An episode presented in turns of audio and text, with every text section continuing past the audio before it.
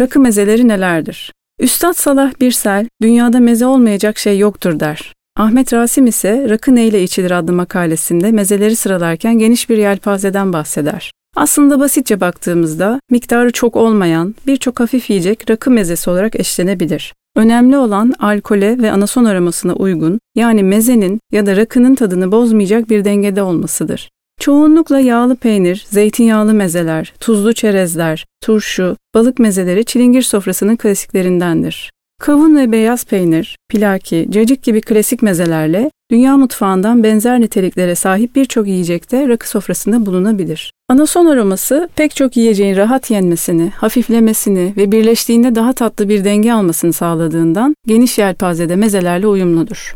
Önemli olan rakının yemeğin, yemeğin de rakının önüne geçmemesi, tatların bileşimiyle bir harmoni ve denge sağlanmasıdır.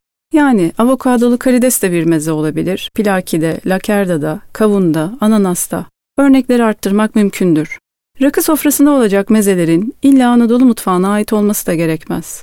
İspanyol tapas, Rus zakuskileri gibi dünya mutfağı mezeleri de pekala uyum sağlayabilir. Bunun da nedeni anason aromasının oluşturduğu geniş tat profilidir.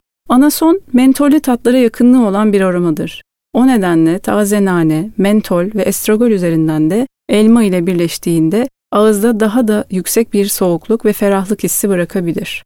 Ayrıca rakının ağır yağlı yemeklerle, böreklerle, çorbalarla ya da sıcak sulu yemeklerle tüketilmesi de tavsiye edilmez.